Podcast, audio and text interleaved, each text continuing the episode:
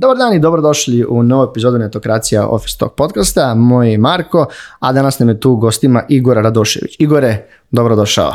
Pozdrav Marko, hvala pre svega na pozivu. E, Igore, ja sam pre, stali su pitanje pre par, možda neki 10-15 dana, slušao sam te na Revenue Day u organizaciji uh, Tenderlija, jednom od, u njihovoj projektu Garaža, gde si baš pričao o vođenju sales timova. I onda je bilo kao, hajde malo da pričamo o tome, jer smo ovih 150 epizoda skoro dok smo došli imali možda 4-5 epizoda koje su bile samo sales, biz dev i generalno smo pričali o tome. I onda je pala pomena, hajde da te pozovem čisto malo da se ispričamo i da vidimo negde tvoje mišljenje oko toga i da podeliš neke savete. Uh, inače, ti si trenutno VP of Revenue Native Steam, sad da te predstavimo, pa hajde negde na početku, uh, kako je negde, kažem, tekla tvoja karijera, uh, opišem neke u kratke crtama šta si radio, šta se radiš, čisto damo kontekst uh, zašto smo te pozvali u goste. Ok, bit ću kratak i koncizan koliko god mogu. Uh, ovako, iskreno, uh, od osnovne škole klasično nisam imao predstavu gde ću i šta ću. Ono što mi je generalno, da kažem, bio početak salesa i uvod u sve to je bilo što vikendima, ono, osmi razred, prelaziš u srednju, hoćeš da izađeš, mm, Ćali Keva su bili u fazonu zaradi pare, ja sam tad tek saznao za kupujem, prodajem i za moć istog. Mm -hmm. ovaj, sa druge strane, ajde naravno ono fizički poslovi ostalo jer ovaj mm -hmm. vikend je ipak zahtevao da imaš ono par dinara preko. Tako da manje više kao sales, neki početci su mi krenuli odatle. Preprodavao sam razne stvari, od tehnikalija, odeće, obuće i jako mi je dobro išlo jer sam se postavio u situaciju da sam mlad, mamin i tatin sin, a onda automatski ovde na našem podneblju to jako lako pije vodu kada si u položaju prodavca. Uh, završio srednju školu, upisao mašinski, opet totalno uh -huh. off topic, umeđu vremenu i, mu, i muzička srednja, tako da sam imao i taj background. Uh, u, posle mašinskog upišem umetničku produkciju, znači opet totalno neka deseta grana, umeđu vremenu krenem da radim u Red Bullu, tu sam bio šest godina, krenuo sam od studentskog posla, završio na Consumer Collective Manageru za Srbiju, Crnu Goru i Makedoniju, gde sam manje više vodio, da kažem, taj neki inicijalni, pa i da možemo kažem neki direct sales marketing, uh -huh Ovaj, uh, u međuprostoru sam imao i dva startupa ne, neuspešno pokrenuta, uh, kako je korona krenula, m, prestajem sa radom u Red Bullu kao korporaciju, upadam u Native Teams i eto od pet ljudi koliko nas je bilo na početku, sad sam tu sa ono, da kažem, bebom malom tada, sada već tinejdžerom, gde nas ima 160. Vrlo brzo ste porašli do 160. Tako je. E, pa hajde malo da nam predstaviš, e, da, znači, Native Team, šta, trenutno, šta znači uopšte titula VP of Revenue, nema i puno kod nas, okay. moram da priznam, um, i čime se tačno Native Teams bavi? Ok, krenut ću pred svega od Native Teamsa, ovaj, pa ću onda preći na poziciju i na manje uh mhm. -huh. više ovaj, moj put uh, uz Native Teams. Uh, A, mi pre svega smo, da kažemo, all-in-one platforma za financije, za poslenje, mobility, travel assistance i financije. Znači, apsolutno sve što je uh, u dodiru sa modernim načinom rada, znači uh -huh. van tradicionalnih ovaj office only uh -huh. ovaj pozicija i firmi koje funkcionišu na taj način mi pružamo usluge sve koje su ovaj usko povezane sa time. Tako da, znači pre svega od mogućnosti regulisanog radnog odnosa preko različitih uh, finance i payment usluga, pa opet kao što sam pomenuo mobility, travel assistant, tačnije mogućnost dobijanja radnih i boravišnih dozvola, visa i travel expense ovaj kartice i na kraju ovaj sve to zajedno uz neki tax management koji nam je trenutno da kažemo od additional feature.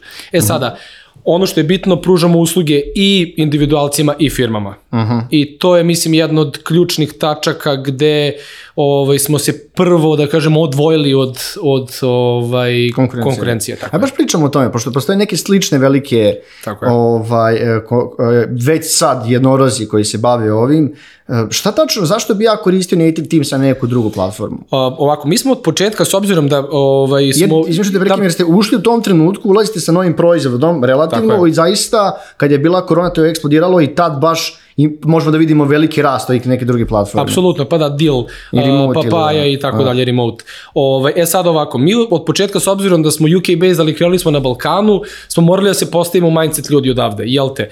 Svi kompetitori naplaćuju njihove usluge 500-600 dolara, mi smo došli na tržište i krenuli da ljudi prosečno zarađuju toliko. Nismo imali mogućnost da im naplatimo još povrh njihove zarade koje eventualno eto može biti do 1000 evra, 500-600 evra samo za naše usluge. Tako da, skapirali smo da ako imamo sve in-house, caos. Što znači da imamo boots in the ground u svakoj zemlji, da, da poznajemo lokalne zakone, da imamo lokalne ljude na terenu koji će biti tu i poznavati kulturološke potrebe, uh, od kulturoloških pa preko finansijskih uh, problema oko zaposlenja, freelancinga i ostalih, uh, bit će nam jednostavno jeftinije i efikasnije ćemo moći da radimo. Tako da, zašto bi koristili nas? Brzina uh -huh. koju možemo da provajdujemo bilo kakvu uslugu, drugo, lokalna podrška u svakoj zemlji, uz pre svega ljude koji poznaju lokalni jezik, pa onda i lokalne zakone što se tiče zapošlje, zaposlavanja, pa što se tiče ovaj, financija, tax managementa i ostalih stvari i na kraju dana sve to uz nisku cenu koja je uh, 5 do 10 puta niža od konkurenata. Ali ti imate fiksnu cenu ili ona ide u odnosu na neki, kao kažem, ono, sve zavisi Tier. koliki ide? Tier based. Imamo Aha. tri tira, znači od 0 do 2000 evra ovaj, monthly income na voletu, od 2000 do 5000 i 5000 plus. Ako pogledaš negdje ovaj bazu korisnika, jel su to na kraju ipak više freelancer ili neke kompanije, manji, manji timovi? Um, ovako, to je dosta zavisi od ovaj, države do države. Naprimer, uh, Exio države su vrlo podobno trž, uh, tržište za B2C deo. Jer kod nas su ipak zakoni vezani za freelancing, samozaposlenje, preduzetnika, obrt, kako god ćeš ga nazvati, u kojoj zemlji, ovaj, da kažemo, nepovoljni uh mhm. -huh. za samu osobu koja ih koristi, tako da sa te strane ovde imamo ogroman deo ovaj, individualaca. Što se tiče razvijenih zemalja, pa čak ću uzeti ovaj, u obzir i Sloveniju, tamo ipak ovaj, smo više fokusirani na firme, male kompanije, startupe ili Ali Slovenija puno gledaš, pa gledaš negdje puno naprednije tržište nego mi. Apsolutno. Pogotovo apsolutno. pričamo o tom digi, ono, freelancingu i digitalnim platformama i slično. Ti tamo kao mlad, uh, kada završiš fakultet, ako želiš da budeš freelancer, pokreneš svoju preduzetničku radnju ili kako god dve godine naplaćaš porez uopšte. Uh -huh. Pa posle od druge do pete godine plaćaš određeni procenat i tek na kraju dana. Znači automatski država tebe podstiče da ti samostalno privređuješ i sa druge strane privlačiš kapital sa strane. Dobro, mislim, kad pričamo o tim otvaranju preduzetničkih agencija, to, je, to se kod nas neko vreme i dosta zlopotrebljavalo.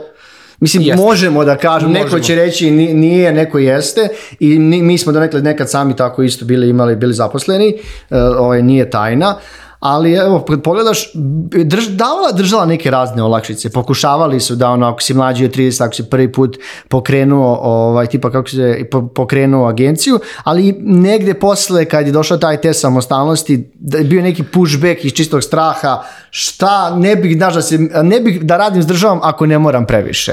E, gledaj, jeste, ja mislim da tu samo je problem što mi nismo diversifikovali načine i mogućnosti na koje možeš da budeš samo zaposlen. Znači, da li će to biti zaista prav self, self-employment, da. tako je, da li će to biti preduzetnik, paušalac, uh, vođenje knjiga, kako god. Mislim da samo i dalje uh, kod nas je to dosta nejasno ljudima, a sa druge strane ne postoji taj pravi self-employment. Ja ovo čemu sam pričao u Sloveniji, ti tamo možeš da budeš samo samo zaposlen, znači ti imaš prihod od jedne firme, neka bude, znači mhm. -huh. samo, samo jedan, jedan, jedan pravni subjekat sa kojim radiš, ovaj, ti imaš penziono, socijalno, zdravstveno, sve namirano, opet kažem, uz 0% poreza u prve dve godine kako bi ti ono, uspeo da iz juniora pređeš u ovaj, neku poziciju da ćeš već moći da privređuješ više samim tim i da platiš te poreze i takse, ovaj, a ovde kako god krenuo automatski imaš nešto da platiš. Jeste, jeste. Znaš, i onda. Da. mislim da je strah ljudi, uh, Prvo mislim da mi ovde, uh, zaista to mogu se potpunim pravom da kažem, smo navikli uvek na to da uh, postoje neki problemi da neko od nas otima,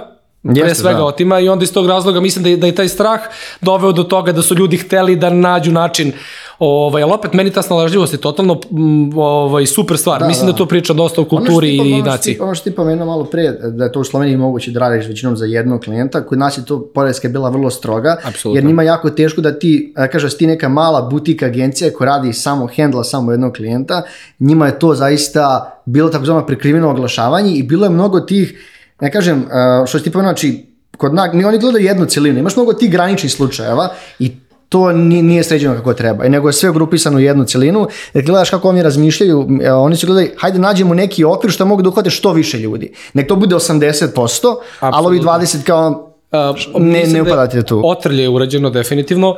E sad, samim tim, eto, ovaj, mislim da Native Teams može da bude prava pomoć na putu svima koji uh, rade na taj način ovde. I mislim, zaista meni je najdraža stvar, iskreno, to je ono jedna od, kako se zove, zaista najlepših momenta koje svakodnevno dobijamo, svi koji smo u, u sales uh -huh. teamu, u native teamsu, je to što pomogneš ljudima da uštede vreme, da manje imaju papirologije, a na kraju dana s obzirom da su vreme i papirologiju uštedili imaju više uh, vremena da zarade. Aha. I onda na kraju dana dobiješ ono prelepe poruke, prelepe pozive, prelepe, prelepe e-mailove da ti se ljudi zahvaljuju. Ove, ovaj, na neki način uh, pomalo se osjećaš kao Robin Hood, a opet sa druge strane zapravo nisi ti ništa toliko uradio koliko si samo pružio ljudima ono što bi trebao svako da, da ima. E, pa ja sam, mi smo čuli dosta onako lepih recenzija o, o, o stvarnom platformi, to ti kažemo ovako, ne kao što smo nešto radili i zajedno smo da pozvali podcast, ljudi su zaista bili dosta zadovoljni. E, ja sam te da pitam, malo, malo prije da ima, da vas ima 130 ukupno, koliko je tu u Belasu u kancelariji ljudi? A, 150 plus nas ima trenutno, A, ovaj, da, da, da, da o, ne, da. rastemo, pazi, u januaru nas je bilo 120, sad nas je već 150, ja verujem 250 će nas biti do kraja ove godine. A, ovako, mi generalno s obzirom da a, promovišemo remote rad, nemamo obavezu da ovaj, budemo u kancu ofisu, ali mislim da nam je jako nam je bitno zbog održavanje kulture zbog toga što kad ljude viđaš uživo na drugačiji način možete da dođete do nekih ideja ili tako dalje, tako da imamo brainstorminge neke koji su na mesečnom nivou, bi mesečnom ili tako dalje. E sad, u Beogradu nas ima 20 plus trenutno jer smo zaposlili BDR tim koji je based baš u Beogradu. Uh, u ofisu, evo danas je bilo baš četvoro ljudi, tako da ono, od, da. od nula do, do deset, eto, Ja sam lična osoba za kancelariju, mislim, ja sam, ja sam svako radi kako njemu najviše odgovara, Meni najviše odgovara da radim u kancelariji, a da par puta mjesto radim od kući. Znaš, kad me mrzi, kad nešto teško ustavim ili kad je kiša, snijeg ili što, ono ću se da radim u kući.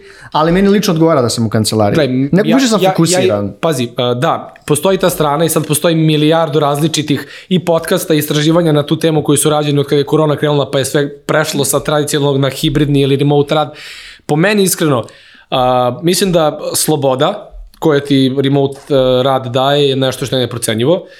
E sad, zavisi samo koliko si ti sa sobom uh, spreman da uh mhm. -huh. budeš dosledan da je na kraju dana to posao i pored toga što ga ne radiš u kancelariji gde su tu ljudi oko, oko tebe koji su sa tobom, ovaj, pa kao ajde oni te motivišu ili guraju da radiš.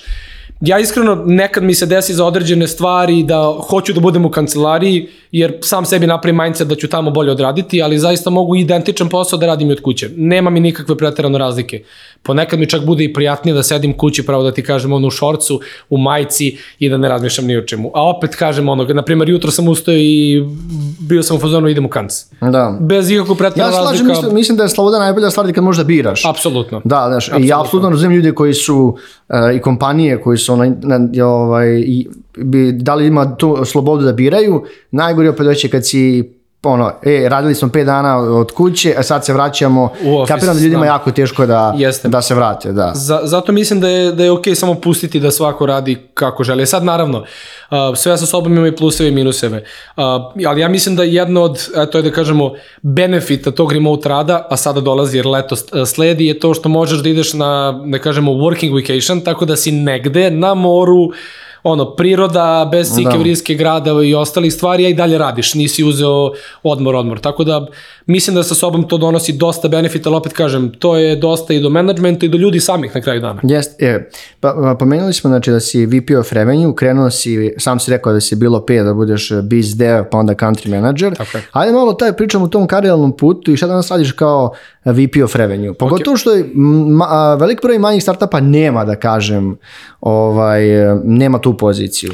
O, ovako, ja sam u početku krenuo da radim, evo, kao što si pomenuo, uh, kao business development manager za Srbiju, uh, Bosnu i Crnu Goru. Drugi način prodaješ usluge native tako je, vašim Tako je. Da. E sada, s obzirom da kad sam ja došao, bili smo samo ja i još jedan kolega koji smo manje više se bavili salesom, ali to je bio i sales i customer support, i account management, i marketing, i legal, i tax. Mislim, znači sam kako da, meni u startupu... Meni je to, meni je to sve ja, isto. Meni kad kažeš sales, meni se ovo, nažalost, podrazumeva. Po, po, da, Vrlo pazi, često, povezan da. si sa svim departmentima, zavisiš da. od svih. Od produkta, legala i svega, naravno. Jer mislim, ti si frontline. Da. O, ti si prvi, ti komuniciraš prvi sa klijentima, ti ostavljaš prvi utisak, tako da samim tim sve što se u backendu dešava je proporcionalno povezano sa tobom. Često ljudi ne razumeju kad imaš product based kompaniji, da osim programi, ono ljudi koji naprave taj proizvod, sales, prodaje drugi najbitniji staver, treba Absolutno. neko da zaradi plati tim ljudima. A, apsolutno. Pa gledaj, uh, potpuno se slažem sa tobom, neću da uh, bude da pričam da je sales ne, ne umanjujem, ja ne, na, naravno, rekao, ne umanjujemo naš... značaj i svi drugi da bi radili kao jedna kohezivna celina, svi moramo da budemo Apsolut, tu. apsolutno. Da, Znaš šta,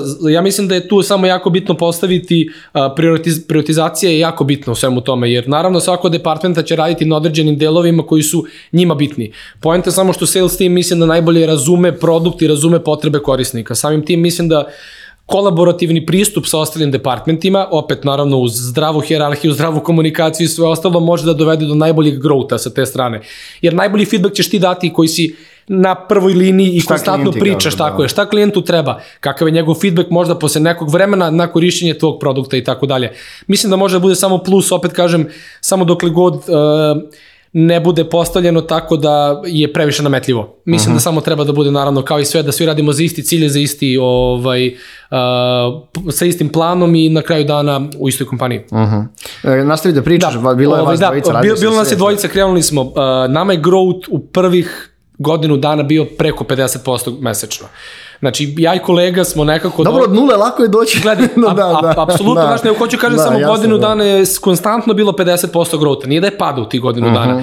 Pridružilo nam se još par ljudi tu u salesu, ali, ali manje više da kažem, eto, od nas dvojice, a, kompanija je rasla. U nekom momentu sam prešao na poziciju country direktora, to je već bilo posle 8 meseci tog, da kažemo, BDM rada, gde smo već stigli do 30-ak, 40-ak ljudi, pa smo već mogli malo da diversifikujemo to, da neko se fokusira na određeno tržište koje nam je bilo fokus ovaj, u tom momentu. Uh, kako nam se još širio tim, zaposlili smo još BDM-ova eto i u Srbiji i za ovaj, mnoge zemlje koje smo otvarali u međuvremenu, uh, stiglo je vreme da scale upamo, jel te, stigla investicija prva, ovaj, samim tim broj ljudi se povećao na 80 već, Ovaj, ja sam tu prešao na poziciju sa opet tim kolegom s kojim sam krenuo sales, ja sam prešao na poziciju VP of Revenue, on je pošao, prešao na poziciju, izvinjavam se, VP of Commerce. E Sada, ja sam više bio tu da se bavim uh, uh, Projekcijom prihoda. Tako je, projekcijom prihoda s jedne strane, sa druge strane nekim kolaborativnim pristupom u radu sa marketing timom, jel te, jer na kraju dana i on je ovaj, veliki deo tog revenju kolača može biti naravno. Ovaj, I opet sa treće strane, naravno, s obzirom da smo dalje bili startup, ja sam radio BDM posao. Uh -huh. Jer nikada nisam prestao, pre svega mislim zbog toga što uh, ako sam tu bio od početka, ako već imam iskustva sa nečime, a UR je potpuno nov, ne postoji guidebook, ne postoji nikakva skripta po kojoj trebaš da prodaješ to. Ljudima i dalje to nije jasno. Znači, to je ono bukvalno kao kada je Aikos došao na tržište i sad ti treba prodaješ neku cigaretu koja nije Dobro, samo što oni imali vjerojatno mnogo veći budžet je, za promociju. Na, naravno, ne, da. nego samo hoću kažem, prodaješ ljudima nešto što im je dalje nezna, neznanica E, samo totalna. Ti, slučaj, kažeš uh, BDM, ljudi koji ne znaju i koji su vrlo, ovaj, vrlo često nas hejtuju zbog engles, anglicizma i stranih Business reči, development upravo manager. To, da, upravo Izvinjam to. se. Čisto da ljudi znaju, veruj mi, neko će napisati u komentarima, ne možeš da veruješ. Eto, business development manager, pa country direktor, to je dr država direktor i na kraju dalja ovaj, podpredsednik uh, ove revenue. Uh, e sada, Uh, trenutno, s obzirom da nam stiže nova investicija i da rastemo, ja prelazim uskoro na poziciju uh, head of, to je VP of sales, tako uh -huh. da ću voditi samostalno ceo sales. Ali to jeste tu Ovaj, poziciju već imali ili tek Nismo imali tu otvorili? poziciju, sada je tek otvaramo, s obzirom da smo nas dvojica kolaborativno, kao što sam napomenuo, ja i kolega vodili, da kažemo, taj neki deo marketinga, uh, salesa i pomalo customer A kad celog si, on je rekao da si VP of, uh, kako si rekao, komerci. komerci. Šta, Da. šta to spada kod vas u, u kompaniji? Uh, Pod nas je komercijalni deo bio zapravo od prodajnog tima pa preko tima koji se bavi održavanjem uh, ovaj cele komunikacije sa klijentima kada ih uh -huh. već uh -huh. ovaj onboardujemo. Znači customer su, uh, success i account management uh, management tim, izvinjavam se. E, sad ćemo, pošto se negde zbog ovog smo ti zvali da pričamo baš o prodaji i o skaliranju tih se, ovaj, prodajnih timova i sam si pomenuo da ste, da ste prošli, da, da je tim rastao. E, Negde da krenemo za početak, pričali smo malo, a ja i ti ovako, e, kakvi su, kakav, kakav je naš talenat ako pričamo o prodaji? Ono što mi možemo da vidimo vrlo često e, iz priče sa nekim fondovima, ljudima, da smo, kažem, kažem, da kažemo Balkan, jako dobar tehnički talenat, prvenstveno i sam si bio e, student mašinskog fakulteta zbog istorijskog nasleđa jako dobrih tehničkih fakulteta, gde smo imali uvek ta inženjerska da je uvijek bio dominantan, znaš i sam, dok je negde, ako pričamo ekonomski, koji u tom trenutku može najviše davao kroz, uh, gledamo istoriju komercijaliste, da kažemo, bio vrlo usmeren na, ne znam, na neku banke, na računovodstvo, na financije, ne toliko na tu komercijalu, ili mi jednostavno nisu imali puno izvoznih proizvoda. Naši vrlo često ljudi bili izvozni proizvod. Ako se vratimo danas u 2023. da nema kaže znam 30. 30. Ovaj, kak, kakav naš talenat? Prvenstveno pričamo o salesu i... Pazi, uh, Ja pre svega zaista smatram, verujem da se neće svi složiti sa mnom, ali smatram zaista za prodaju da jednostavno ili umeš ili ne umeš. A, s jedne strane, smatram naravno da možeš da se usmeriš i da ovaj, naprediš svoje znanje sa psihološke, socijalne ili a, kakve druge strane što se tiče sam, same prodaje, ali mislim da zaista taj neki harizma i taj način odnosa socijalne inteligencije je nešto s čime se neko rađa. Ovaj, samim tim mislim da naše podneblje je vrlo plodno za, za, za ljude koji mogu biti dobri uh, prodavci. Pre svega, uh, kod nas je toliko širok dijapazon različitih ljudi koji upoznaš kroz uh, mladost, adolescenciju, pa kasnije i ovaj, da kažemo neko odraslo doba. Sa druge strane, nismo država koja je ekonomski bila uh, na nogama pa i dalje nije zapravo, ovaj, samim tim e, dosta se snalazi i dosta mora da se razmišlja iz, izvan kutije, što se kaže, ono, outside of the box. Mislim da su to neke stvari koje su odličan, odličan ono, preduslov za ovaj, dobre prodavce. Tako da smatram da Balkan je ovaj fenomenalno mesto za, za, za dobre prodavce, za ljude koji umeju da prodaju i razumeju ljude. Uh -huh. Mislim, to je prost primjer ono, znaš, kada neko odavde ode preko, snađe se ogromna količina ljudi se snađe. Jako mali broj njih ne uspe. Dakle, da bolje razmišljaš, većina kaže snašao, dosta ljudi od, odišlo i snašao Apsolutno. Mislim da samo zato što imamo širinu toga i ne plašimo se ničega, jer, ono, znaš, kada preživljavaš, spreman si na sve. Ako ti je od početka sve dato na tacni, pa mislim da nije baš toliko lako sebe postaviti u poziciju da se boriš za, za, da, za ja slažem sebe. da, ja, ja slažem da je o, prodaja veština, ali mislim da uz neke dobre sales skripte i dosta ljudi mogu da je nauče. Pitanje je samo koliko će biti dobre. U, znaš, uvijek je nešto prirodno, neko je prirodno bolji u nečemu drugog. Gledaj, uh, apsolutno da i mislim da samo s obzirom da prodaje zaista uh, konstantno interakcija sa mm. m, drugom stranom. Ovaj, samim tim, uh, naravno, ne, neću da ne podaštavam ništa što se tiče edukacije, kurseva i ostalih stvari koje mogu da se nađu vezano za prodaju, ali mislim da ipak taj inicijalni deo, to što, što bi neko rekao talenat, mhm. -huh. ovaj, je, mislim, gra, glavni da kažemo okret u tome da li ćeš biti dobar prodavac ili ne. Ovaj i opet kažem do, dosta zavisi do proizvoda, iskreno zaista ako prodaješ nešto što je uh, top shop ili si tu samo na call centru pa, pa prodaješ drugačije. Ovde pričamo ipak o tome da ovaj uh, produkt software, koji prodaješ je software ili je nešto novo na tržištu ili pak ovaj prodaješ nešto što možda nije uh, potencijalno korisno ljudima na tržištu da treba da radiš. To automatski od tebe iziskuje da moraš da budeš dosta širi nego, mm -hmm. nego da samo pratiš puku skriptu jednu. E kad kaš, ja, ovdje, sam, ovdje sam pitao kako se uopšte postaje dobar SDR ili to je Sales Developer Represent, Šta kad, kad, kako, jed, jednu stvar koju bi nekom rekao, po meni je to ako pričam o prodaji da moraš da znaš svoj proizvod vratno Pre svega. od A do Š. Pre svega, mislim da je onboarding i uh, generalno upoznavanje sa proizvodom najbitnija stvar. Ovaj, jer na kraju dana kako možeš da prodaš nešto ako nisi spreman da odgovoriš u svakoj situaciji na svako pitanje koje neko može imati. Znači to znači prelistati proizvod sa svih aspekata. Znači od, da kažemo, front-end do back-end strane, funkcionalnosti, alatke, skriveni, skrivene stvari koje možeš naći, apsolutno moraš biti 100%. Jer zato i kažem da sales team može da daje odlične inpute svim ostalim departmentima, jer mislim da moraš biti najupoznatiji. Na kraju dana mhm. tebi produkt i ostali više se bave određenim featuresima, nisu toliko u celom produktu. Ti od početka do kraja ceo produkt prodaješ, apsolutno svaki deo.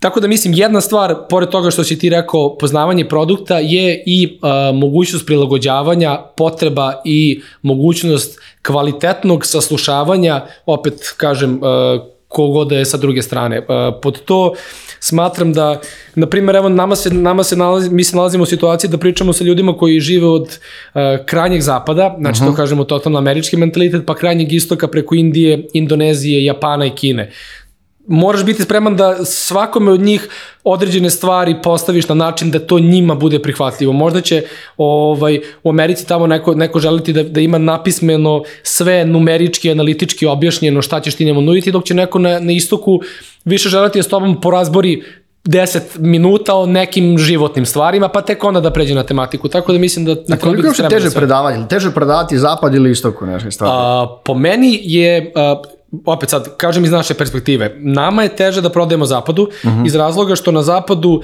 je neko nepisano pravilo da ako je nešto jeftino, Da. skem je, Uh -huh. Sad, to ovaj, je zbog toga što, znaš onu priču da ovaj, uh, momak koji je otišao u New York i pokušao da prodaje jabuke za dolar, niko nije teo da ih kupi, Kad je kada je stavio povećao dolar, cenu da. 100 dolara, svi su ih kupili. Samim tim nama je to, da kažem, ovaj, trenutno uh, malo teže da, da se ovaj, uglavimo u zapad, ali opet kažem, iskorišćavamo to na način kao, na primjer, Swatch. Uh -huh. Swatch sad ne bi rekao da je jeftin, ne bi rekao ni da je skup, a opet postoji neki ogroman brand awareness i znaš da je dobar. Postoji smart, postoji dosta stvari koji, koje je oko, oko, ovaj, oko samog Swatcha, tako da Uh, hoćemo da budemo i dalje cenovno na nivou gde jesmo, a sa druge strane da naš produkt je zaista premium. Uh -huh. Ali to, to je vrlo često pitanje od milijon dolara kako ulaziš tržište, da li ulaziš sa tim strategijom niskih ili visokih cena ili šta god, ali opet pomenjanje, ja kako, kako gledamo ovako, ulaziš na tržište u jednom trenutku kad korona eksplodira i kad imaš dva, tri jaka zaista igrača, moraš nađeš nešto da se diferenciraš. Apsolutno. Ne, i znaš ono, ja sam rekao pre svega, od cene pa do toga što imamo lokalno, mi ne outsourcujemo ništa. Aha. Apsolutno, svaki entitet je naš u svakoj zemlji koju imamo, imamo ih trenutno preko 50, 51 tačno u ovom momentu. Ovaj, sa te strane, znači svaki entitet je naš, a, računovođe tamo su naše, legalni Aha. tim je naš tamo. A, imamo lokalne ljude koji mogu da odgovaraju na lokalnom jeziku za bilo kakvu potrebu ljudima u real time-u, tako da sa te strane brže uh, možemo da dobijemo bilo kakav feedback ili bilo kakav odgovor ili bilo kakvu informaciju koja je potrebna pod klijentu, da li ovaj, pre ili posle Hajde da pričamo o toj organizaciji prodajnih timova, jer uh, može iz vašeg iskustva i verovatno opet kad ste vas dvojice krenuli, na koji ste način organizovali je bi negde su, kako, kako se organizovao prodajne timove kod Gledaj, vas? ja sam, ja sam to i malo pričao na, na, na Revenue Dayu, sam pot, pot, ovaj, potegnuo tu temu. Iskreno malo je bilo štap i kanap. A, Dobro, ali to je vrlo skroz okej, da. Bilo je štap i kanap uh, na način da uh, sad mi Probaš pa nismo da tako je da, da. nismo ni imali nešto preterano ideja to je bilo ono uh, kome šta padne na pamet ajde da probamo znači A B C D E F testing na sve strane ovaj ali za divno čudo imali smo dosta uspeha sad da me pitaš šta je bilo ključno za taj uspeh, nemam pojma. Da li možda što smo mi bili puni elana uh -huh. i zaista smo želeli da vidimo taj growth i da na kraju da naporastemo sa tom firmom i naučimo toliko stvari ili opet s druge strane bili, su bili neki spoljašnji faktori na koje ne možeš da utičeš, nažalost. Ovaj, nisam siguran, ali a, mi smo u početku bili organizovani tako da smo imali samo BDM-ove. Znači nikoga iznad nas. Krovno smo imali CEO, BDM-ove i to je to. U jednom momentu kada smo se prebacili na te country direktor pozicije, one su bile, da kažemo, country direktor, ali su bile više regional country direktor pozicije, pa smo samim tim, da kažemo, delegirali i menadžovali, radili onboarding novih BDM-ova. Uh -huh. A, u momentu kada smo prešli na VP pozicije, krenuli smo i da doda, dodatno raščlanjujemo ovaj, ljude u sales timu. Tako da, na primjer, u zemljama u kojima imamo potrebe i za B2C i B2B delom, imamo separativno a, osobe koje prodaju samo B2C i osobe koje prodaju samo B2B. Introdusovali smo relativno skoro i BDR tim koji radi, da kažemo, sa ovoj manual labor work ili ti manualni rad, opet da, da ne, ne koristim toliko engleskih reči, Znači od uh, pronalaženja potencijalnih kontakata do inicijalnog e-mailinga, cold callinga ili čega već, uh, kada, kada potencijalno dođe do kola, to preuzimaju BDM-ovi, country direktori Znači ili neki pre-sales, dok oni dođu Tako je, tako je, pre-sales. I mislim da je to uh, jako bitna stvar, jer u današnje vreme živimo u jako fre, fraud scam vremenu. Uh, što se tiče lead generationa, kupovine lidova, m, mislim da nikad gore nije bilo. -huh. Prodaju se budalaštine, iskreno, uh, izvinjam se na izrazu, ali stvarno mi do sada iz ličnog iskustva kupili smo desetine hiljada lidova, nismo imali nikakvih, nikakvih Čekaj, ja moram pitati, kako dođe, neko ti pošalje, e, imam, ne znam, 2000 lidova, evo, ili se ljudi Pazi. javljaju sami, ili ti Javljaju. ne, ne, e, imam za tebe čoveka, znaš, kakve lidove ima. Gledaj, na- znači može da bude i ovo, i ovo drugo što si rekao, jer to totalno balkanski zvuči. Imam čoveka, znam čoveka, ono, o, hoće ti prodati neku 5000 pravi lidova, liste, tako je, da, tako da, je. da. Ima i toga. Samo čekao svoj trenutak. Naravno, a ima i ljudi koji jednostavno skrepu informacije sa m, ovaj, raznih sajtova, na primer, uh, Zoom Info je imao neki lik pre godinu i po dana, nešto, pa je neko uspio pokrada neke, neke kontakte i podatke neke kompanije, ali opet, tebi neko to proda godinu i po dana kasnije, to su outdated lidovi. Znaš, nama je problem jer tebi tu masa toga bude ono, ili bounced, ili jednostavno ne postoje ti više ljudi na tim, ili je ono, samo ne, neki randomizer, pogotovo sad uz ovaj, AI možeš da generišeš šta hoćeš. Uh, samim tim mislim da ovaj BDR je odlična, odlična odskočna daska jer imamo zaista lokalne ljude koji se bave tim delom. Samim tim, ostatak tima ima više vremena da se zaista fokusira na prodaju. Nama je to bio malo problem jer uh, smo dok nismo ovaj, uh, onboardovali BDR tim imali ljude koji jednostavno nekome lošije ide taj deo ali super prodaje. I onda samim tim je jako kompleksno na koji način postaviti njegovu poziciju da radi samo prodaju. Jer onda neće biti equal odnosno na nekog drugog koji isto BDM, ali opet kažem, to su sve, da kažemo, dečje bolesti koje smo mi imali, jer uh, mi zaista nismo znali ni u kom putu, ni gde idemo sa, sa, mm -hmm. sa ni celom platformom, ni produktom, a kamoli sales timom kao takvim mm -hmm. u početku. Ja, pomenuo si taj uh, B2C, B2B, koliko je teže prodati B2B? Ili u vašem poslu, ili, ili je lakše, teže ovako, pazi, u našem poslu mač sa dve oštrice i jedno i drugo. B2C može da bude jako kompleksan, imaš nažalost individualce, mislim nije nažalost potpuno zapravo razumem te ljude jer oni tebi faktički daju uh, njihov mogućnost, posao, da pa nije njihov da. posao nego njihove financije. Uh -huh. Znači mhm. treba da se ostane na nekoga da će njihova mesečna primanja biti sigurna. Uh, samim tim ovaj, verujem da tu postoji dosta pitanja ili dosta stvari koje su njima nejasne pa žele, pa žele sami sa sobom da budu ok pre nego što zaista pređu na, na, na korišćenje naše platforme. Ovaj, sa druge strane postoji uh, kod individualaca imaš dosta ljudi koji znaju on zna šta mu treba, došao je striktno sa tim i tim pitanjem, reš, rešan je u roku od 15 minuta. Što se tiče B2B strane, mi, e, to sam isto pomenuo na Tenderliju, mi radimo i sa malim startupima, radimo i sa medium size kompanijama, radimo i sa velikim kompanijama, radimo i sa enterprise, znači ono baš huge kompanijama i na kraju dana imamo i partnership deo. Tako da, za to ne mogu da dam pravi odgovor, jer je toliko široko. Od, postoje određeni sales procesi koji traju godinu dana. Znači, Sigurno. Naš, ono, promeni se lead, tamo tako promeni je, se ode sve ili, ili, da. ili, naš, ono, kraj dana oni moraju da prođu 5-6 određenih apruvala pre nego što zaista Absolutno. se nama vrate sa feedbackom ili odgovorom ili pitanjem. Uh, sa druge strane, postoji opet situacija da i te firme, na primer, nisu zadovoljne kako, na primer, uh, kakve su usluge kod nekog od kompetitora. To nam se, na primer, dešavalo. Znaju već kako funkcioniše ceo IOR, sve što im treba, dođu kod nas, kažu, hoćemo to, to, to, to, to, da možete, provajdujete, možete, to je dva dana, znači ono, brzinsko potpisivanje svih ugovora i svega, naravno, opet kažem, uz ovaj, pregledavanje i, i approval svega, ali opet jako, jako, jako je specifično i ne postoji odgovor na to pitanje, jer opet od, može da bude od dva dana do godinu i po dana. A pomenuo si sad, znači pomenuo si te da kažem te, da ljudi dolaze kod vas, te inbound lidove, a ako gledaš sad, i kad ste krenuli, koliki je taj odnos ratio inbound i outbound leadova? Ah. Većinom, pošto ok, imate i direct sales, se promenilo za pretekle nekom vremenu? Gledaj, uh, definitivno jeste. Uh, kad se kreneš, e, verovatno od 99% je cimaš ti ljude. A, apsolutno. Uh, e sad ovako, mi imamo i referral program. Uh, imamo i marketing naravno, imamo i određene zemlje u kojima B2C radi određene zemlje u kojima B2C nema uopšte nikakvog smisla. Tako da, na primjer, ajde uzet ću Srbiju ovaj, kao, kao paravan za ovo. Ma, ma kakav je broj klijenata u Srbiji? Ja pričam o Srbiji. U Srbiji, da. Da. U Srbiji mi trenutno uh, imamo, pa ja mislim, 40% skoro individualaca. Wow, to je dosta. To je dosta, da. Uh mhm. -huh. mi, mi u Srbiji um, na mesečnom nivou pa skoro svakog dana po novog korisnika imamo jednog, prosečno. Uh mhm. -huh. E sada, uh, u početku je to bilo iskreno jako mukotrban proces. Ja se sećam, mi smo ono prvi mesec smo radili na dva klijenta Ono, -huh. znači, ono, baš je bilo kao, mislim, jer niko nije ni koristio platformu, pa samim tim, ono, što bi ti prvi bio.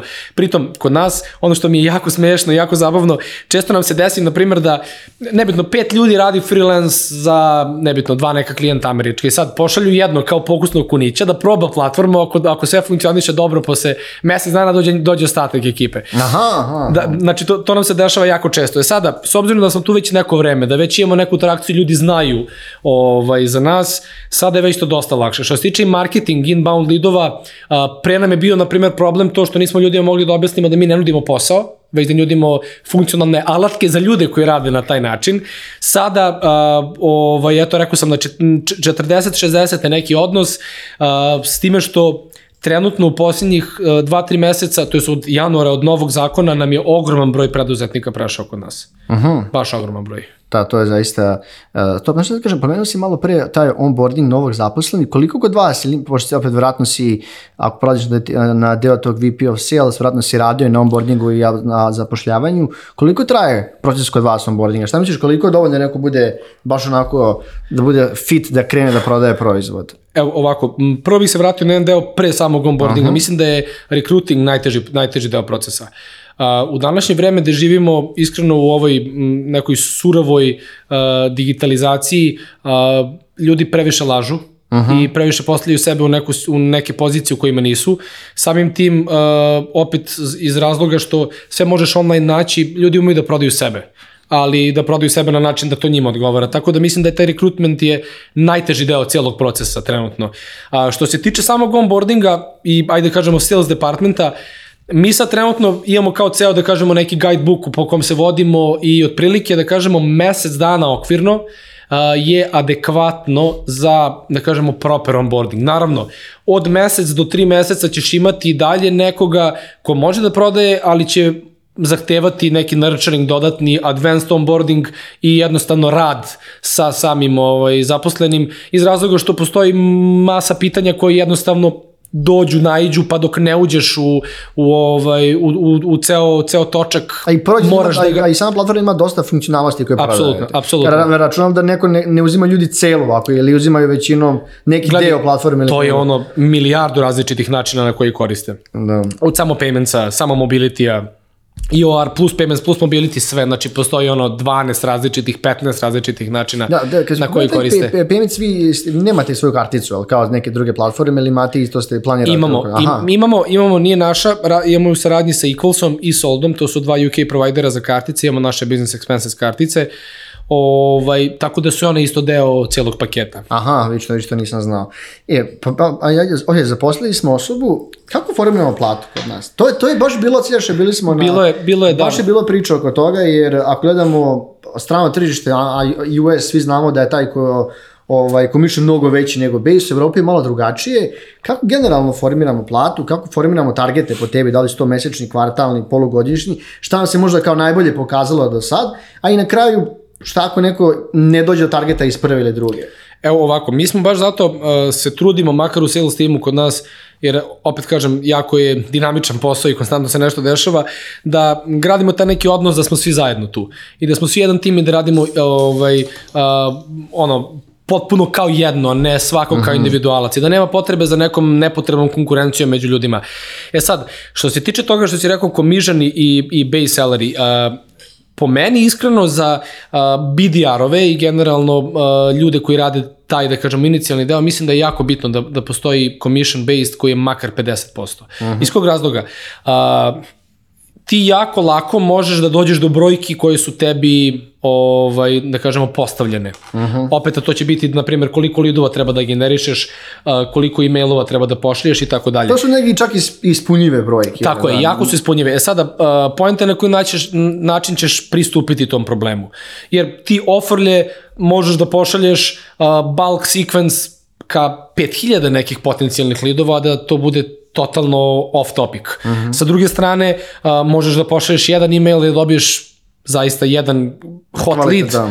Ovaj, tako da sa te strane mislim da je za BDR-ove jako bitno i mi smo, mi smo introducovali to. Kod nas je a, plata faktički 50% nekih, uh -huh. da kažemo, a, targeta koji su po nama jako lako ispunjivi na mesečnom nivou i samim tim plata ti je ovaj, duplo veća. Opet, uh, mi dalje se trudimo da gradimo te neki uh, zdrav odnos što se tiče ovaj, i samih bonusa i samih povišica i ostalih, tako da imamo naravno kvartalne revieweve gde se radi, pored me, ovih mesečnih reviewova koji su više tu da ovaj, možemo u svakom momentu da znamo na kome šta treba da se radi ili da se posveti neko vreme na određenom delu što se tiče određenog ovaj, zaposlenog, to jest od, određenog člana tima. Ovaj, sa BDM-om imamo fiksne plate. E sada, a, ja po meni iskreno, s obzirom da ja, ja radim u firmi koja je remote i uh -huh. m, pre svega da kažemo neguje remote rad. Mislim da je jako bitno da ne budu geography based plate uh -huh. a, i, mislim, i mislim da je prelepa stvar to što nam se danas dešava da živimo u toj gig ekonomiji gde jednostavno možeš da imaš platu koja je nevezana za teritoriju i zemlju u kojoj živiš. Da, to je super. Da, jer pre svega mislim da to je plus državi, plus je tebi, a na kraju dana plus i firmi, jer ljudi zaista ovde sa ovih a, prostora kad imaju platu koju zaista zaslužuju, radit će duplo bolje da. nego neko sa zapada. E, pomenuo sam, šta, šta se dešava kad neko ne ispuni target? Jer to vrlo često pričali su, pričali su tome ovi sales mogula. Da. Oni su dosta, malo su, da kažem, strogi, da kažem, po nekim stvarima. A, ako pogod pričamo o tom sales performansu, šta je neko tvoje mišljenje oko toga? Da li to, da li imamo kao treba da radim dodatno sa osobom, Ili, znaš, ono, Pazi, jako je teško, to nisu, nije, nije lako postaviti u kalupiti te stvari.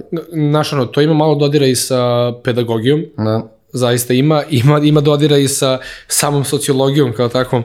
A, pazi, mislim da a, je jako bitno, opet, mislim, ako si već menadžer i ako ovaj, se, se baviš time, bitno je zaista baviti se svakim zaposlenim. Opet kažem, sales ima par određenih faza. Možda nekome zaista je problem samo u jednoj fazi. Znači onda se može poraditi da neko drugi kome dobro ide ta, taj određeni deo salesa, da pomogne kolegi, samim tim napraviš balans između svega, između manje više dvoje ljudi, pa oboje dobro performuje. Sada, opet, mislim da u dosta situacija je i neko samo jednostavno ono, slučaj kome ne možeš pomoći, da, dešava se i to. Da. Ovaj, a, mislim da je dovoljn, šest meseci dovoljan period da zaista saznaš, skapiraš sa svih aspekata da li je neko fit da. ovaj, za, za, za prodavca. E, a još, po, jedno, e, po, pričali smo, pričao negde o salesu i biz devu, kao pomenuti pojma, smo imali epizodu koje negde smo odvojili ta dva pojma, jel bih ti odvojio? Uh, sales, sales da, je business development. Da, da. Uh, ja iskreno u, uh, ako je software za servis, ne. Uh mhm. -huh. Ne. Okay. Zato što mislim da je prodaje development identično. Opet, za nešto drugo ne, opet kažem, pogotovo za, za neke, uh, ajde ih nazovemo, arhaične vidove prodaje, mislim da je sales, samo sales development, development. Mm -hmm. ovaj, kod nas mislim da je to apsolutno jedna stvar. Ovaj, formirali smo tim, ne, ne, dogovorili smo se oko ovih e, plata, bonusa, hajde da prikupimo lidove, pomenuo si kako ih nalazimo ko je najbolji kanal? Postoji neki najbolji, danas ono, LinkedIn najbolji kanal, radi za vas stvar? Jel imaš nešto, pomenuo si da si kupovali, nalaziš svuda, nalaziš lidove, jel ima neki kanal što kaže, e, ovaj daje najbolji lidove ili to je možda već, kad se već u nekoj fazi se kompanije se oni sami javljaju, e, super, ajte, želimo da sprobamo i slično. Pazi, mislim da je najbolji kanal uh, dedicated research. Znači, zaista, uh, po meni i ono što smo skapirali iz celokupnog iskustva je ako uđeš u tematiku. Na primjer, mm. izabereš, evo, uh, mi smo, na primjer, pre dva meseca se fokusirali na telehealth kompanije. Znači, idemo industrija. Idemo industrija, industrija striktno. I ako se zaista udubiš u svaku kompaniju, uradiš uh, detaljno istraživanje koje su razlike, gde možeš da im pomogneš, šta je pain point i Ko tako dalje. Business developer reprezentative ili neko, neko drugi Pazi, uh, trenutno u ovom momentu nama to rade sada i BDR-ovi i BDM-ovi dokle okay. god ne napravimo to kao jednu sistematizaciju, ali BDR bi trebao to da radi. Uh -huh. uh, jer je, to je faktički... Taj research. To je research okay, da. pre inicijalnog ovaj, kontakta. Uh, e sada, m, uh, nama je to, na primjer, donelo uh, pa ja mislim, ali sigurno 50% bolji reply rate i makar 30 do 40% uh, više šansi za inicijalni call. Jer ja, ja zaista znam i siguran sam u moj tim da mi kada dođemo do kola mi ćemo prodati. Poenta je samo kako doći do toga. Definitivno smo skapirali da slanje nekih sekvenci na 500 različitih adresa sa istim mailom je totalno pogrešna stvar u današnje vreme. Ja prvi gledam kad meni stigne neki tako ono unificirani mail, ja sam otvorim ga i kao izgledam jeftino. No. Ali definitivno mislim da naslov maila i prva rečenica su najbitnije, jer to vidiš. Mm -hmm. Znaš, ti pre što si ušao u mail, to vidiš. Mislim, mi svi danas imamo toliko dug, mislim, fokus nam je dve sekunde.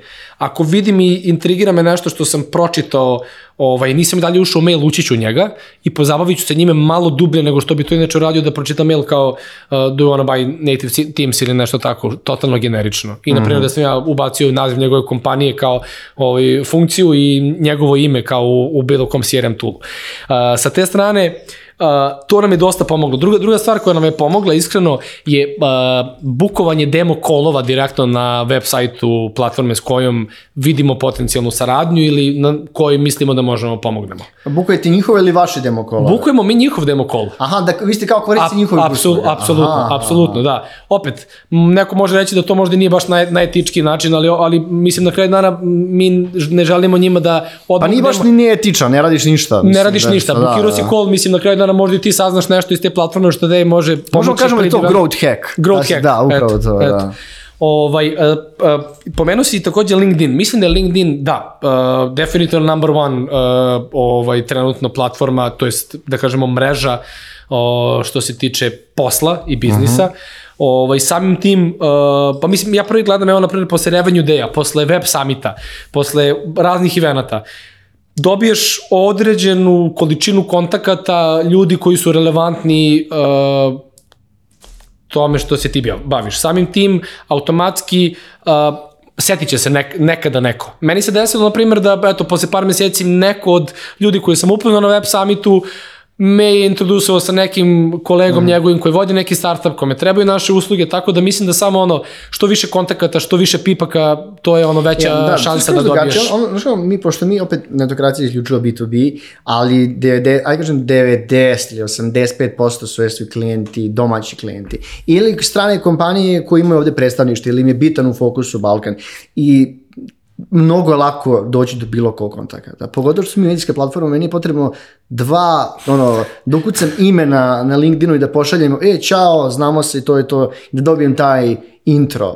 Znači, Gledam. mnogo, znaš, znaš, drugačiji način prodaje i ono, Mi... opet lakše doći do kontakta kad si na, kad gradiš globalno tržište, drugačije skroz. A, apsolutno, mislim da je to malo i kulturološki, mi smo ovde svi ono, ovaj, otvorenih ruku za sve. Ja prvi ono kad vidim da, da mi neko piše na srpskom jeziku uvek. Mislim, ne kažem da ne odgovorim ako mi neko piše na engleskom, ali kao uvek si ovaj, više welcoming kad je neko tvoj. Ovaj, jer ja, ja bih gledao LinkedIn kao Balkanci van Balkana. Mhm. -huh. To ti to. Znači, no, tu smo svi naši. Tu da. zajedno svi možemo na drugim. Kao da smo u Beču, Balkanci u Beču, da e, kažemo. E, bukvalno, da, da. to je to, no, naš deseti prsten, tu smo svi zajedno, ono, Jeste, jedemo da. ćevape. Ovaj, tako da sa te strane mislim da definitivno ovaj, što se tiče nas sa Balkana, uh, odgovaranje i pisanje LinkedInu je totalno ono go to stvar. Yeah, pa, pa, pa, pomenuo si taj cold calling, cold emailing, uh, radi, ok, koliko, i možemo posto ga si nastavio, to se, pitanje se nastavlja, uh, kako, ste, kako će taj response E, response tih prodajnih mailova, sam si rekao da u stvari da su bitni subject i, i prva rečenica. Jako je, jako je bitno personalizovanje, uh mhm. -huh. jako je bitno zaista ovaj, da svaki mail bude napisan za lida kog si izabrao. Da, da mislim da je to jer, bitno što si pomenuo, ako prodaješ neku industriju da to bude u tom smislu. Da. Definitivno, da. uh, jer mislim, mi smo prvi ovaj, skapirali da zaista to neko uh, bahaćenje, to jest kada ti ono kvantitet pojede kvalitet, ništa ne dobiješ. Na kraju samo si se razbacao, imaš mase potencijalnih kontakata koje si loše kontaktirao i onda moraš da čekaš određeni period da bi opet mogao da ih kontaktiraš. Mm -hmm. Samim tim sebi smanjuješ bazu potencijalnih mm -hmm. ovaj, kupaca i korisnika. Mislim da je ovaj, najve, najveća razlika u tome uh, da li ćeš Uh, zapravo doći do tog inicijalnog kola ili ne, opet kažem samo pristup i vreme koje si posvetio tom. Ja, pomenuo si, pomenuo si, uh, pomenuo si CRM-ove, da li imaš neki što je specijalno što volite da koristite, da li da. ste koliko ste ih probali, takođe još jedna stvar, koliko je follow-up bitan stvar u prodaji? E, ovako, koristimo Pipedrive. I ja koristim Pipedrive. Uh, ja sam, ja obožavam Pipedrive, iskreno, sviđa mi jako user friendly. Apsolutno. Pre svega. Jasno, da. ovaj, I mislim da je to isto jako bitno. To je sad ono shout out za, za ovaj, firme koje prave CRM-ove ili, ili prave bilo kakve aplikacije koje, koje se koriste ovaj, u biznisu. Uh, jako je bitno da platforma bude uh, namenjena korisniku i da tebi pomaže u onome. Naprimer, mi smo ono ceo, celu mrežu, znači sam kada praviš Možda ono, da napraviš sam, ko pod ka, koracima, kampanju, stepovima, po- znači da, kada praviš po- kampanju, celu mrežu koju ti napraviš i kako je, kako je isatkaš, to je, znači ono, i pre svega izgleda prelepo. Ja, ja ono, jako mi je bitno da znam šta se gde nalazi, lakše mi je da ja trekom i follow-upujem. Uh, samim tim mislim da follow-up, to što si rekao, je jako bitna stvar. Uh, ali opet kažem, određeni triggeri, nasuprot tome šta se desilo. Ako je neko kliknuo na link, ide yes, ide no, pa ide dalje. Da li ima neki delay time koji je toliki ili toliki, pa kakav će biti follow-up, pa ako tu trigger se desi ili ne, i tako dalje. Bitno je razgranati to, naravno ne prekomplikovano, ali uh, opet kažem, inicijalni taj prvi mail mora biti uh, pravi i precizan, posle toga sve je da kažemo manje više u uvlačenje u kožu, uh -huh. ovaj, a po meni to uvlačenje u, u kožu najbolje ide sa što kraćim mailovima. Uh -huh. Mi smo, na primjer, što se follow-upa, ok, kažem, prvi mail, naravno, totalno personalizovan, drugi može da bude malo više unificiraniji, ali treći mail mora da bude kratak i jasan. Da. Znači, to je ono hit me with number from one to three, jedan je ono leave me up, ono, A ne, ne želim te, ništa. da, padne. okej, Znaš, jasno mi je to. To smo mi probali još pre, i ali te stvari rade. I, i, i, to, i, i to na kraju, da. znaš ono, mislim, uh, proste stvari rade. Znaš, opet, uh, ne treba se, pre, to je postavljati u neku situaciju da prodaješ, ne znam ja, koje, koje kakvim profesorima sa fakulteta, pa neko želi od tebe da vidi da si ti strašno pametan. Ne. Da. Znaš, ono, ono, make it as simple as you can. Mislim da to može dosta da pomogne. Da, slažem se s tobom. Ali ima, jel ima negde, opet ti si pomenuo, to su opet, možeš napraviti skripte bukvalno koje ćeš ljudima koristiš. Jel ste radili to? Da, Jesmo. da. Jesmo, radili smo skripte, ali a, po meni skripte treba da budu ono frequent yes questions, bukvalno. Da, aha. A što se tiče ostalih stvari, moraš da osjetiš Da, to situaciju i, i, i opet koje je sa druge strane. E, ja sam ovdje stavio negdje, pošto sam već blizu kraja ovaj, e, e, e, Jesmo, da. ovdje, da. Uh, ja sam stavio direct, direct sales with content marketing. Imali smo jedno vreme, pogotovo prethodnih godina, gdje su, pogotovo SaaS kompanije, smanjivale di- direct sales, da kažem, povećale content marketing i su na taj način dolazili do lidova i onda su slali te lidove na, ove, na, customer, na customere, ove, e, sa, ove ljudi koji, kako se stavi mozak, uh, customer specialist, Customer da, da, specialist, dobro.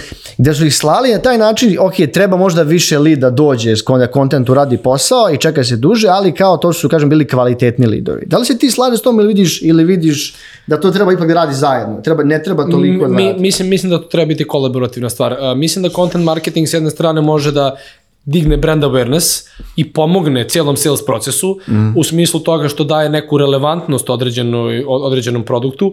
Sa druge strane, mislim da, da direct sales uh, pomaže pri razumevanju potreba uh, korisnika, pa može da pomogne tom ovaj content marketingu. Tako da mislim da je to jako kolaborativna stvar. Uz, uz direct, direct uh, sales uh, te, tebi će faktički marketing biti dosta sigurniji i up to date sa time. Ne, I onda da. samim tim uh, i, i, i tebi ceo, ceo content marketing može da dovede više lidova. Tako da mislim da su jedna druga stvar potpuno ovaj, gledam, bitne da, i direct sales identične. da- je brzina, Jeste. dok content ipak dok Gledaj- se to zavrti, SEO odradi stvar, prođe i Jeste. godinu dana i može duže I, od toga. i duže, slažem se.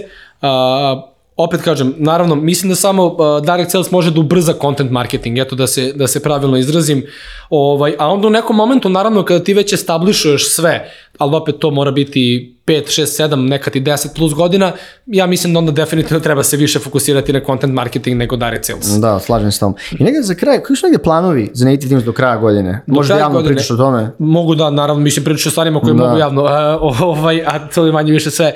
Uh, 250 ljudi očekujemo do kraja godine da ćemo imati, očekujemo da ćemo introdusovati još 20 zemalja do kraja godine, to će biti Latinska Amerika i Azija, ovaj, naravno uz par država u Tu Africi. vidite, jel tu vidite da postoji potencijal? Azija ili- definitivno Azija. i Južna Amerika po, isto poprilično, opet kažem, uh, najviše iz razloga što zakonske regulative su tamo ne najpovoljnije uh Mhm. -huh. ovaj, po potrebe što individualaca, što pravnih subjekata. Ovaj, tako da sa te strane to nam je jedan od, od key stvari. Trenutno se bavimo tim uh, tax optimi, optimizacijom u određenim zemljama. Trenutno to imamo ponuđeno u Srbiji i Hrvatskoj, pa samim tim, da kažemo, neki knowledge base koji pomaže ljudima da saznaju na koji način mogu da uštede određene količine novca. Znači, Znači, sa, dodatno, sa nekim lokalnim računovođama ili Apsolutno, ali, tax advisorima, da tako kažem. je, tako je. Sve radimo apsolutno lokalno, opet kao što sam pomenuo, mislim da nam je, to nam je ono kao core spirit, core value nam je to da radimo potpuno sve lokalno in-house. Ovaj, to nam je jedna od stvari koja nam uh, uh, ide u narednih par meseci, onda ovaj solo entity koji smo relativno skoro, da kažemo, zakotrljali i mislim da dosta pomaže. Uh -huh. To uopšte nismo ni pomenuli, Mhm. Da, zapravo možemo- to sam da, zaboravio, kažem šta je brzinski ćemo da, reći, da. solo entity mogućnost otvaranja pravnog subjekta u UK-u.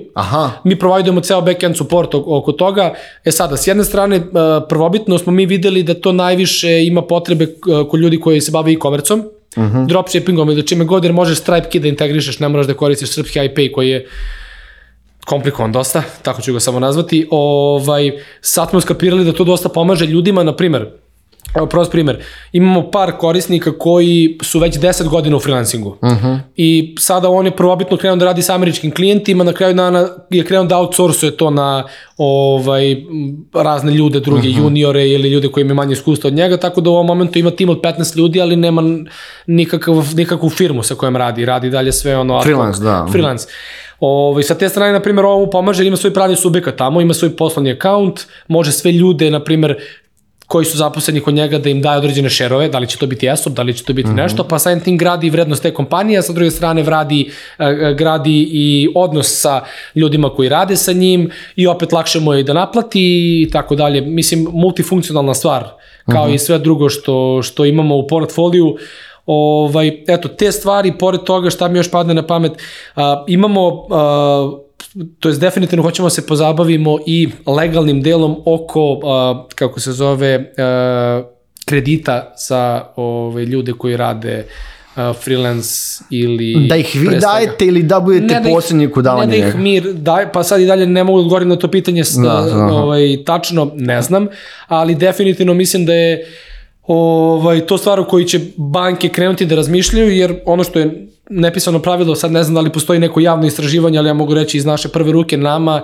ljudi koji se bave freelancingom prosečno zarađuju minimum tri puta više od prosječne Da li za banke to, ne, to i dalje... Apsu, apsolutno znam da ne, ali mislim da trenutno freelancing uh, čak ispadne i sigurniji nego, Da. nego neki poslovi ovaj, Jasno. ovde lokalno. A, Igore, hvala ti puno što si bio naš gost. Hvala puno Marko Ovaj, tebi na pozivu. Tako da nadam se, ono što si pomenuo, da će do kraja godine da bude dobra godina i za Native Teams i za tebe. A vama, dragi slušalci i gledalci, hvala što ste ostali do kraja s nama ove epizode. Netokracija Office Talks možete pratiti YouTube na toj video formatu, dok audio formatu možete slušati na svim većim streaming platformama kao Spotify, Deezeru, Apple Podcastu i mnogim drugim. Pozdrav! Hvala puno.